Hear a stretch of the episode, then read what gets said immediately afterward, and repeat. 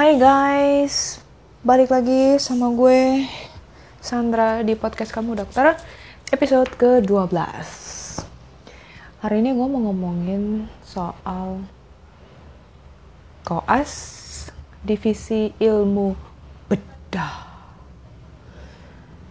Ilmu bedah itu ini masih termasuk salah satu divisi mayor ya. Empat divisi mayor kan eh, penyakit dalam udah. Kesehatan anak udah. Eh, objin udah. Terus sekarang bedah yang terakhir bedah. Bedah itu hmm, waktu itu divisi koasnya itu 8 minggu. 8 minggu sih ingat gua. Itu satu subdivisi satu minggu berarti ada 8 subdivisi. Kayaknya sih lebih kayaknya sih ada 10 subdivisi kalau nggak salah. Gue lupa. Pokoknya ada lumayan banyak subdivisinya. Nah itu per satu minggu lah. Kalau 8 ya berarti 8 kali ya. Lupa. Ya. Jadi sebenarnya sih kalau cuma satu minggu satu minggu gitu sangat-sangat sedikit banget yang bisa dipelajari. Uh, tapi memang kalau bedah itu hmm, kompetensinya spesialistik sih. Jadi dokter umum memang cuma harus tahu uh, yang kompetensi dokter umum aja dan itu nggak banyak. Terus uh, yang agak lebih rumit-rumit ya harus memang rujuk ke dokter bedah which is uh, jumlah dokter bedah sekarang di Indonesia mungkin udah cukup banyak tapi nggak um, tahu deh apakah cukup untuk uh, mengatasi seluruh masyarakat Indonesia atau ini adalah soal persebarannya aja. Gue juga belum pernah membaca dan mencari datanya hmm, berapa perbandingan satu dokter bedah untuk semua rakyat Indonesia gitu. Tapi yang gue tahu memang kalau di daerah itu ya susah, jarang. Oh, pun kalaupun ada dokter bedah umum aja, bukan bedah yang lain-lain kayak ortopedi atau urologi itu lebih jarang lagi hampir nggak ada kayaknya kalau di di pelosok mah bukan pelosok malah pokoknya di uh, provinsi-provinsi yang jauh dari uh, ibu kota dokternya dokter bedah umum aja yang gue tahu. Nggak ada yang lain-lain. Subdivisinya tuh apa aja ya? Ada dari urologi. Urologi itu hmm, dia mengurusi soal perkencingan. Ya semua sistem organ dari ginjal sampai saluran kencing itu diurusnya di urologi. Oh termasuk prostat juga. Prostat itu termasuk bagiannya urologi. Dan ini gue nggak tahu kenapa ya. Urologi itu hampir sebagian besar pasiennya cowok jadi yang ngambil spesialis bedah urologi itu jarang banget cewek. Soalnya banyakkan ngurusin kelamin pria. Anggapannya gitu kali ya. Iya sih memang soalnya sebagian besar kasusnya tuh di cowok. Hmm, nothing really special sih waktu gua di Uro itu hmm, cuma pernah ikut operasi batu kandung kemih gitu yang pakai laser. Apa sih istilahnya? Turp gitu kalau nggak salah. Nah itu oh mesinnya keren lah. Futuristik banget gede gitu udah itu aja. Nggak ada yang nggak ada yang benar-benar spesial banget di uro. Terus uh, ada di subdivisi neuro surgery MS bedah saraf. Nah ini bisa dibilang sebagai subdivisi yang juara di bedah uh, karena memang ilmunya luar biasa banget. PPDS-nya dikit karena nembusnya susah. Udah nembusnya susah keluarnya lebih susah lagi. Jadi uh, memang beban kerjanya juga luar biasa sih sangat. Karena NS itu operasinya amat sangat lama. Amat sangat lama. Gue ulangin lagi ya operasinya amat sangat lama. Jadi waktu gue koas di subdivisi ini eh enggak kalau koas eh, pas jaga itu ada giliran jaga eh, oka operation kamar. Uh, ruang operasi. Nah itu tuh uh, nggak dipatok divisinya subdivisinya apa. Jadi kalau misalkan kita koas bedah terus kita jaga di ruang oka ya operasi mana yang mulai divisi subdivisi apa pun dan kita dimintain bantuan ya kita harus bantu gitu. Nah kalau misalkan jaga di OKA itu kita udah paling serem banget kalau misalkan ada NS yang mau operasi beneran. Soalnya itu gila banget. Satu kali putaran jaga tuh ya kalau udah kena masuk di OK-nya NS bisa di situ terus lu gak keluar-keluar sampai shift lu selesai.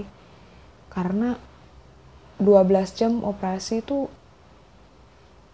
bisa belum tentu selesai.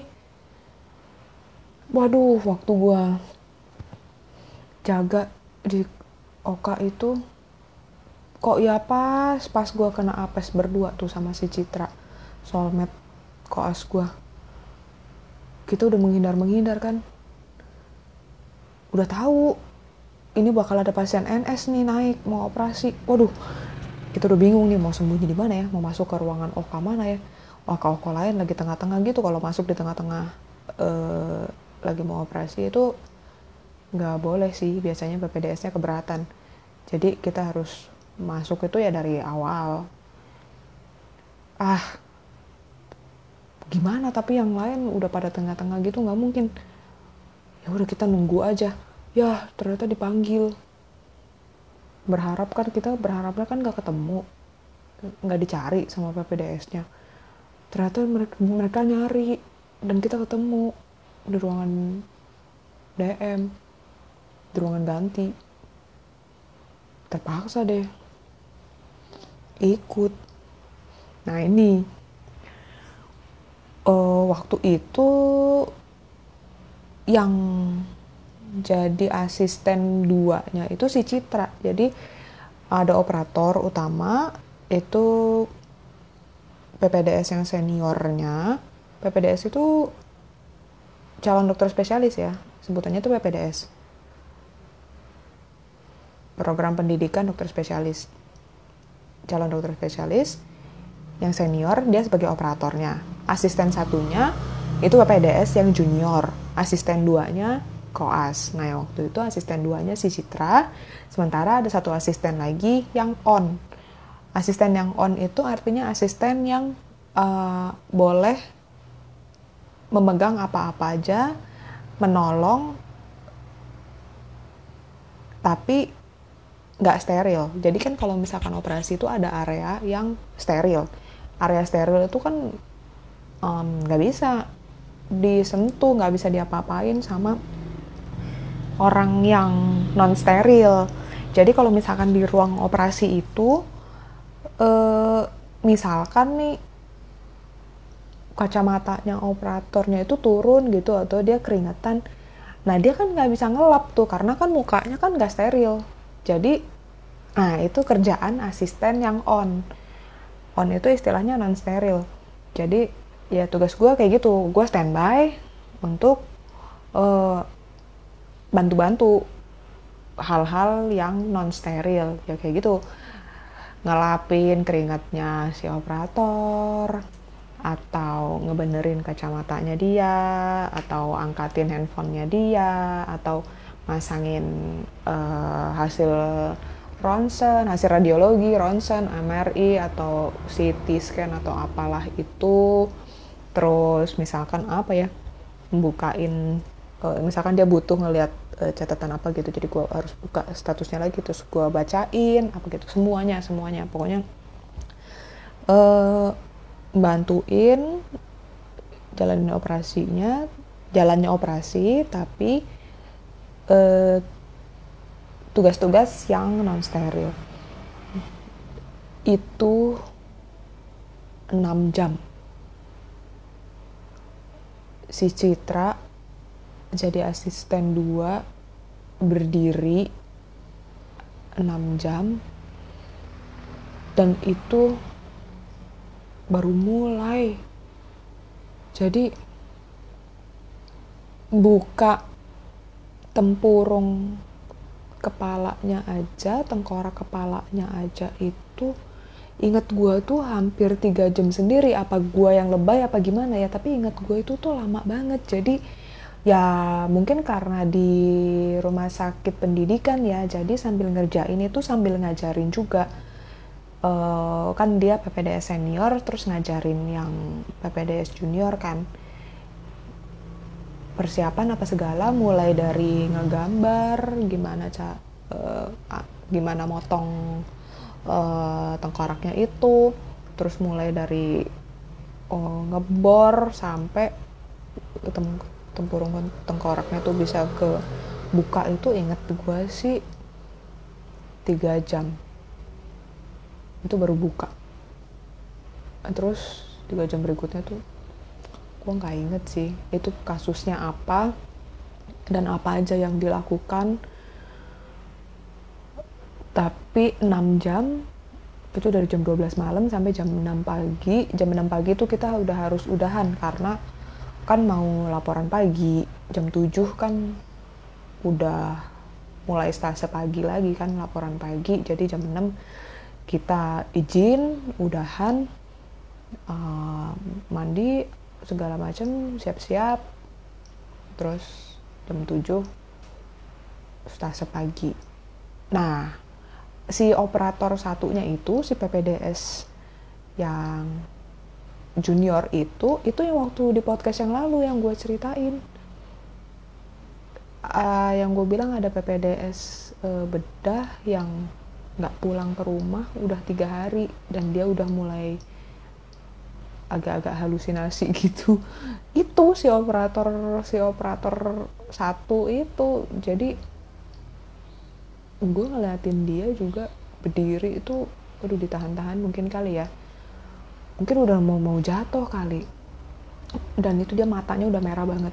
Jadi dia bilang itu udah hari ketiganya dia belum pulang rumah dan belum tidur. Karena ya kayak gitu.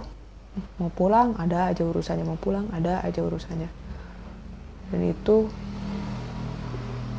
kita tinggalin dia dan itu operasinya baru mulai. Gue nggak tahu lagi berapa jam lagi itu operasi jam berapa selesainya dan apa kabar tuh PPDS pokoknya neuro surgery NS itu bedah saraf. Itu tuh parah banget. Uh, butuh mental dan fisik yang kuat selain daripada IQ. Uh, eh, dan itu famous uh, karena pada waktu zaman gua di divisi itu untuk pertama kalinya di Universitas Erlangga subdivisi bedah saraf ada PPDS perempuan. Dia adalah PPDS perempuan pertama dan mungkin sampai sekarang satu-satunya kali ya gue gak tau lagi sih tapi waktu itu dia adalah PPDS perempuan pertama di bedah saraf di Universitas Erlangga namanya Dr. Evelyn sekarang uh, dia praktek di Surabaya kayaknya terakhir yang uh, gue tahu. Tuh dia juara banget. Soalnya emang nembusnya itu susah untuk masuk neurosurgery. Bukannya seksis uh, tapi gue ya gue nggak tahu ya. Karena kan masuk PPDS itu nembus nembus PPDS lolos seleksinya itu uh, sampai sekarang belum ada yang benar-benar tahu kriterianya apa karena sangat subjektif. Eh, nggak uh, ada indikator yang jelas nggak ada variabel yang pasti. Uh, gue sih menganggap kalau lu lolos uh, PPDS itu takdir aja sih takdir jalan Tuhan. Uh, bahkan bukan keberuntungan kalau gue bilang pokoknya takdir karena ada orang yang uh, udah nyiapin semua berkasnya CV-nya udah bagus banget. Uh, kita semua ngerasa kayaknya dia punya kemampuan yang mumpuni dan punya koneksi yang tepat untuk bisa masuk di uh, spesialisasi yang dia inginkan. Nyatanya nggak tembus-tembus juga. Sementara ada orang lain yang kayaknya kok hmm, kandidat lemah nih eh ternyata malah masuk. Jadi nggak ada yang benar-benar tahu uh, tapi si dokter Evelyn itu bisa berhasil keren hebat PPDS perempuan pertama di bedah saraf.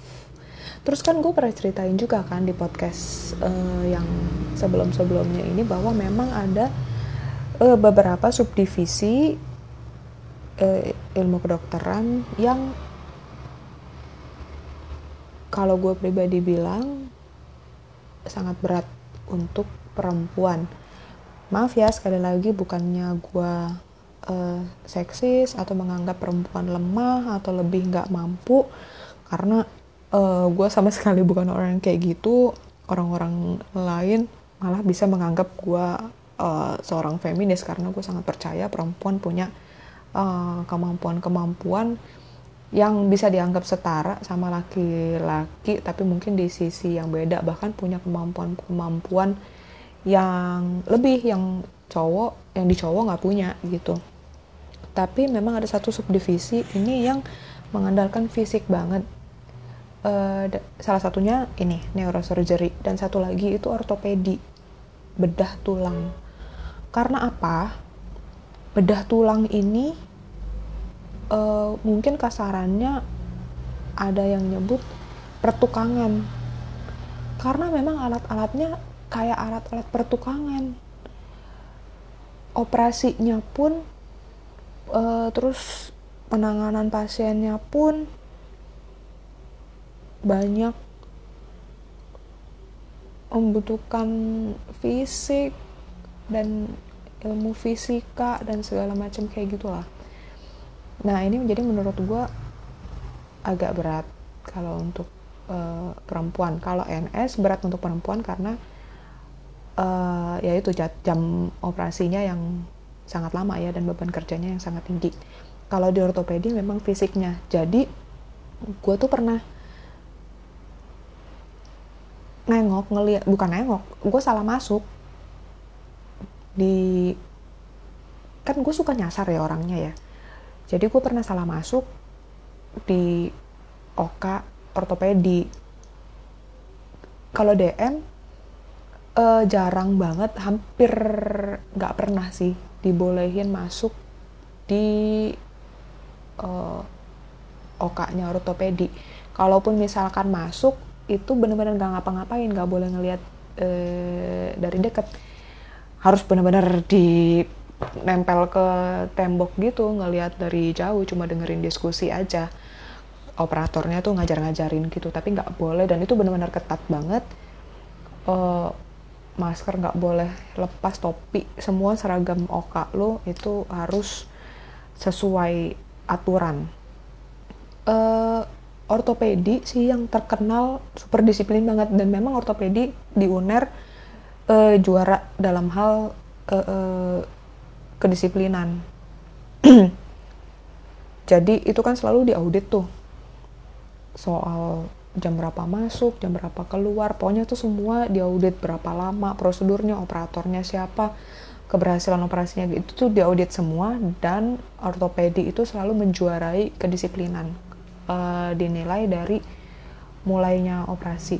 Jadi orang-orang ortopedi itu kalau misalkan mulai operasi jam 7 itu artinya jam 7 itu udah buka bukan jam 7 pasiennya baru digeret masuk ke OK-nya. Kalau misalkan subdivisi yang lain jam 7 mulai itu pasiennya mungkin baru pindah geser ke kasur uh, OK. Tapi kalau ortopedi jam 7 mereka udah persiapan dari sebelum jam 7 jam 7 itu mereka mulai buka. Uh, mulai pegang pisaunya maksudnya. Pasien udah siap dari sebelumnya. Uh, jadi ortopedi itu benar-benar uh, ketat banget sih. Kalau di UNER ya uh, juara di ketat banget uh, koas nggak boleh sembarangan. Nah gue waktu itu pernah salah masuk. Kan kalau misalkan di gedung bedah itu di satu lantai itu uh, ada yang ruangan uh, cuci tangannya itu gabung gitu. Nah gue lupa kalau gue harusnya belok kiri terus gue belok kanan terus gue jadi kemasuk di okanya ortopedi itu terus gue langsung diteriakin gitu kan. Wah udah em. Nggak bisa keluar keluar ngapain ke sini gue kaget juga. Nah itu secara nggak sengaja gue ngeliat uh, posisi ngoperasi pasiennya itu agak absurd. Jadi uh, kakinya itu diangkat gitu di dipegangin. Ya gue pikir kalau operasinya kayak gitu wow.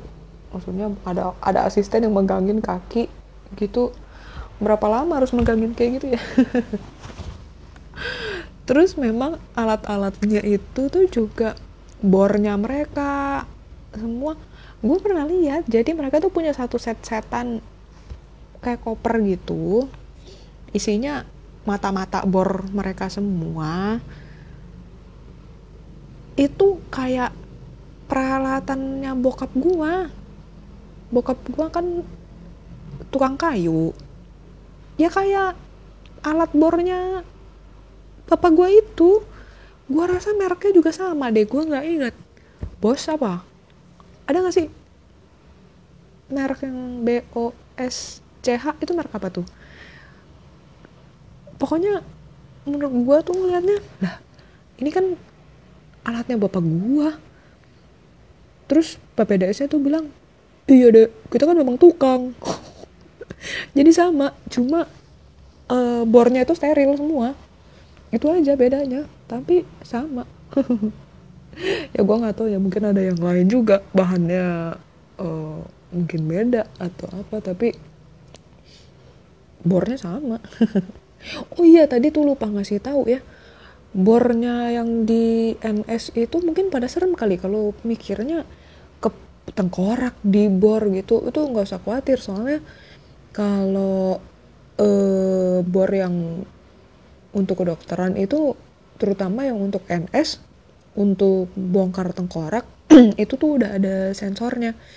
Jadi begitu dia nembus uh, tulangnya dia langsung berhenti sendiri jadi nggak akan melukain uh, otak itu nggak usah khawatir. Itu kelihatannya aja serem cuma semuanya tuh udah udah diperkirakan kok. Dan alat-alatnya udah canggih banget kok. Di Indonesia tuh uh, menurut gue sih alatnya udah canggih banget. Dokternya juga nggak kalah sama dokter-dokter uh, di luar kalau menurut gue sih. Cuma mungkin sistemnya yang di kita aja. Aduh kok nih aduh maaf ya. Serak tiba-tiba mungkin sistemnya atau uh, gimana ya kalau orang tuh nggak serak sama dokter di Indonesia itu mungkin karena dikiranya dokternya tuh kurang perhatian atau gimana. Tapi gue nggak bisa nyalahin karena dokter di Indonesia beban pasiennya jauh lebih banyak dibandingkan dokter uh, di luar. Itu boleh dibandingin sendiri. Jadi itu mungkin sangat mempengaruhi uh, apa ya approachnya dokter ke per pasien sama uh, cara komunikasinya dia. Mungkin pasien ngerasa ini dokter agak terlalu cuek nggak uh, terlalu perhatian ngomong kok agak-agak asal gitu. Uh, satu-satunya alasan yang bisa gue berikan adalah karena beban pasien dokter di Indonesia jauh lebih banyak. Nggak hmm, seperti dengan dokter di luar negeri yang uh, biaya konsultasi per jamnya atau per berapa menitnya itu uh, ada biayanya sendiri dan itu biayanya sangat mahal. Jumlah pasien per hari dibatasin. Kalau dokter Indonesia jumlah pasien per hari nggak dibatasin uh, jam kerjanya dari jam segini sampai segini sedapatnya pasien berapa? Dan antrian pasien biasanya banyak. Jadi uh, eh, gue rasa kalau kondisinya kayak gitu terang aja nggak bisa berlama-lama ngobrol santai sampai pasiennya benar-benar cucok, serak dan nyaman sama dokter itu karena antrian panjang. Itu sih kalau menurut gue. Tapi kalau secara alat, secara skill kalian, gue boleh bilang dokter Indonesia uh, sanggup beradu sama dokter luar negeri kita nggak kalah kok beneran nah terus tadi ngomongin apa lagi oh ya itu pertukangan nah tapi uh, kalau di ortopedi agak lebih banyak perempuan yang berhasil masuk. Uh, nggak tahu. Sekali lagi gue nggak tahu uh, apa yang membuat satu seseorang bisa diterima di spesialisasi ini sementara yang lain enggak tapi kalau ortopedi meskipun gue bilang hmm, dia membutuhkan fisik yang uh, di atas rata-rata tapi sekarang sudah ba cukup banyak uh, dokter bedah ortopedi yang perempuan. Kayaknya tapi tetap mayoritas laki-laki memang.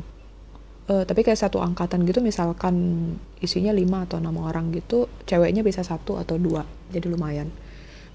Nah yang berikutnya lagi itu yang uh, hampir nggak pernah ditembus sama perempuan itu bedah toraks kardiovaskular BTKV jadi gelarnya itu spesialis eh, SP BTKV bedah toraks kardiovaskuler itu dia e, bedah rongga dada. E, toraks itu dada kardiovaskular itu jantung pembuluh darah ini dulu yang gue ingat adalah e, dosennya sangat berkesan. E, salah satunya adalah e, Prof. Puruhito namanya. Beliau adalah guru besar yang sangat dihormatin di Universitas Erlangga. Uh, beliau adalah spesialis uh, bedah TKV, salah satu pionir uh, dan pernah menjabat sebagai rektor Universitas Erlangga. Prof. Purohito, uh, beliau orangnya sangat uh, tegas, sangat disiplin dan uh, kredibilitasnya sangat luar biasa lah UNER sangat-sangat uh, bangga dan terhormat mempunyai seorang Prof. Purhito uh, panggilan sayangnya Prof. Ito uh, dia kalau ngajar uh, enak rapi uh, bahasanya mudah dimengerti dan uh, seru kalau mendengarkan beliau itu karena beliau punya karisma yang sangat luar biasa dan yang uh, satu cerita yang uh, gue ingat uh, tentang beliau adalah waktu dia mengajar pertama kali ini waktu zaman masih kuliah sarjana ya belum koas dia bilang kayak gini bahwa bedah TKV ini adalah uh, ilmu tertua sepanjang masa. Terus kita bingung kan kok bisa? Soalnya Hawa diciptakan dari tulang rusuk Adam itu nggak mungkin terjadi. Kalau bukan karena bedah TKV gue kak gue gue mikirin cerita ini lagi sampai sekarang aja gue masih ketawa. Itu Prof. Purhito yang waktu itu cerita karena gue benar-benar gak nyangka sih makanya gue ngerasa ini lucu banget. Iya juga ya jadi astaga bukannya ateis atau apa ya? Atau ngalah-ngalahin Tuhan tapi iya juga masuk masuk Pak Eko. Logikanya masuk masuk banget. Iya juga gimana caranya mindahin tulang rusuk kalau nggak pakai ilmu bedah torak ya kan? Prof. Purhito empat jempol buat beliau luar biasa. Waktu itu gue uh, koas itu beliau kira-kira umurnya udah 70 tahunan lah. Uh, tapi masih sehat masih tegap masih tetap operasi. Dan operasi toraks itu juga lumayan berat loh ya. Karena ya sama juga lah buka tulang rusuk ini kan pakai ini juga ya pakai gergaji-gergajian juga kan gergaji mesin juga. Uh, berat juga. Dan dan Prof. Puruhito itu adalah uh, gue nggak tahu bisa jadi adalah satu-satunya operator bedah yang berani marahin dokter anestesi. Gue sih uh, karena waktu itu gue lihat sendiri mungkin ada juga dokter bedah yang lain yang berani cuma gue nggak ngeliat. Tapi waktu itu sama Prof. Purhito ini gue lihat sendiri jadi sebenarnya kalau waktu operasi itu yang seharusnya jadi pimpinan operasi itu adalah dokter anestesinya. Jadi dokter anestesi itu yang uh, mengatur flow operasi. Artinya kan dia yang menjaga istilahnya dia yang menjaga nyawa uh, pasien ya. Kesadaran pasien itu di tangan dia. Dia yang memonitor uh, nyawa pasien selama pasien di operasi kalau dokter bedahnya kan konsentrasi di apa yang uh, akan dia lakukan apa yang dia akan operasi yang dia akan potong apa yang akan dia ambil kayak gitu. Tapi kalau dokter uh, anestesi dia dianggap sebagai ketuanya karena uh, kalau ada sesuatu hal yang mencur mulai mengganggu atau mulai mencurigakan atau uh, rasanya mulai tidak stabil di pasien itu dia berhak untuk menyuruh operator berhenti sejenak. Sampai dia bisa menstabilkan pasien itu dan pas uh, operator boleh melanjutkan operasinya lagi. Tapi jadi dokter bedah itu ngikutin arahan dari dokter uh, anestesi bukan sebaliknya. Nggak ada dokter bedah yang ngatur-ngatur dokter anestesinya tapi Prof. Ruhito adalah mungkin satu-satunya dokter bedah satu-satunya operator yang bisa marahin dan ngatur-ngatur dokter anestesinya. Dan di dokter anestesinya ya iya juga karena Prof. Purhito itu senior dan sangat dihormatin banget. Banyak banget uh, dokter senior sih dan guru-guru besar yang sangat dihormatin di UNER itu di uh, ilmu bedah terutama bedah uh, eh, TKV kalau misalkan hmm, aduh Tuhan gue sampai lupa deh ada satu. Oh ada satu lagi. Hmm, dokter bedah TKV itu Prof. Paul Paul Tahalele. Uh, beliau juga amat sangat dihormatin uh, kita inget banget waktu Prof Paul uh, kecelakaan apa gitu terus uh, patah tulang panggul kalau nggak salah Rumah Sakit Dr. Sutomo, semua staf dan PPDS, IGD, dan gedung bedah, semuanya langsung memprioritaskan Prof. Paul. Begitu kita uh, dihubungin bahwa Prof. Paul kecelakaan dan akan segera menuju ke uh, Sutomo, itu semua langsung diatur jadwalnya tim disiapin semua untuk menerima Prof. Paul. Jadi begitu Prof. Paul datang itu nggak ada ceritanya. Prof. Paul itu pakai nunggu pakai lama pakai ini nggak ada. Semuanya udah siap v, super VVIP Prof. Paul langsung di uh, dapat penanganan dari sejawatnya. Semua ahli semua siap Prof. Paul di betul-betul dimuliakan seperti itu. Bahkan kalau sampai kita semua tuh bilang pelayanan terhadap Prof. Paul jauh melebihin kalau seandainya gubernur atau wali kota yang masuk ke Sutomo. Tuh coba segitunya uh, kita keluarga kesejawatan dokter ini menghormatin guru kita tuh uh, kayak gitu. Makanya uh, kalau orang-orang mungkin mau bilang uh, dokter-dokter itu udah kayak mafia saling bela saling support saling apa terserah. Kalau buat gua oke okay, mungkin bisa dibilang uh, mafia anggapan uh, orang kayak gitu. Tapi lebih jauh dan lebih besar daripada uh, anggapan mafia itu kita semua dokter-dokter kesejawatan kita itu keluarga. Keluarga. Bayangin aja uh, apa ada profesi lain yang menjunjung tinggi uh, guru besarnya tuh sampai sampai kayak gitu. Dan itu itu Prof. Paul. Itu cerita tentang Prof. Paul ya baru satu guru besar. Gue pernah uh, saksiin sendiri.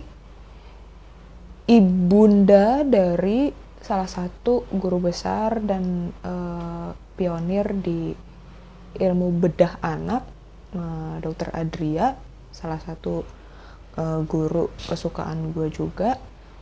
Um, itu ibunya loh.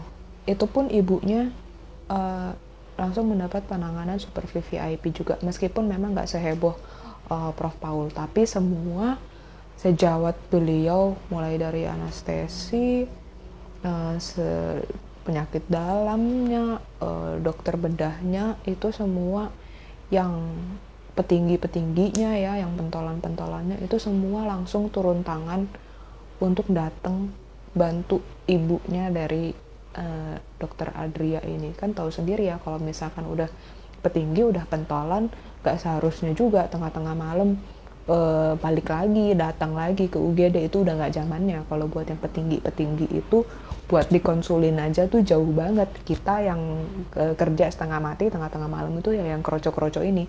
Yang masih level-level ini uh, keset dan remar-remar gidang ini kita yang kerja setengah mati. Tapi kalau misalkan udah level petinggi nggak ada. Level petinggi itu udah enak banget. Tapi kalau misalkan ada sejawat mereka yang lagi kesusahan bahkan uh, enggak sejawatnya aja keluarga dari sejawatnya aja itu mereka langsung turun tangan uh, menangani sendiri tinggal kita ini yang PPDS sama oh, koas. Koas udah jelas nggak boleh pegang-pegang.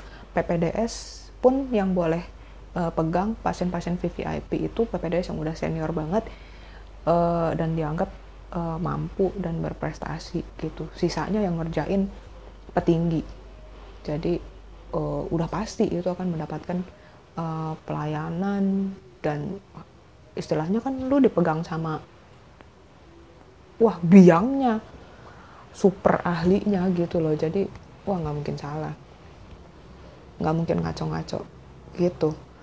Uh, kerennya tuh itu di di dunia kedokteran. Hmm, aduh masih ada beberapa cerita sebenarnya. Tapi ini udah uh, mau habis. Jatah 40 menit per satu episode. Wah masih banyak lagi cerita-cerita seru di divisi bedah.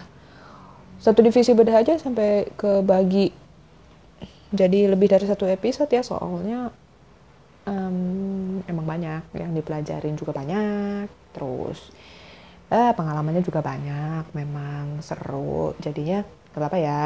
Uh, ceritanya hari ini gue sudahin sampai di sini. Semoga terhibur selamat istirahat guys. Um, semoga istirahat kalian pulas. Besok bisa segar lagi. Terus kita ketemu lagi di podcast yang berikutnya dengan cerita-cerita yang lebih seru. Oke okay, gua Sandra. See you and bye bye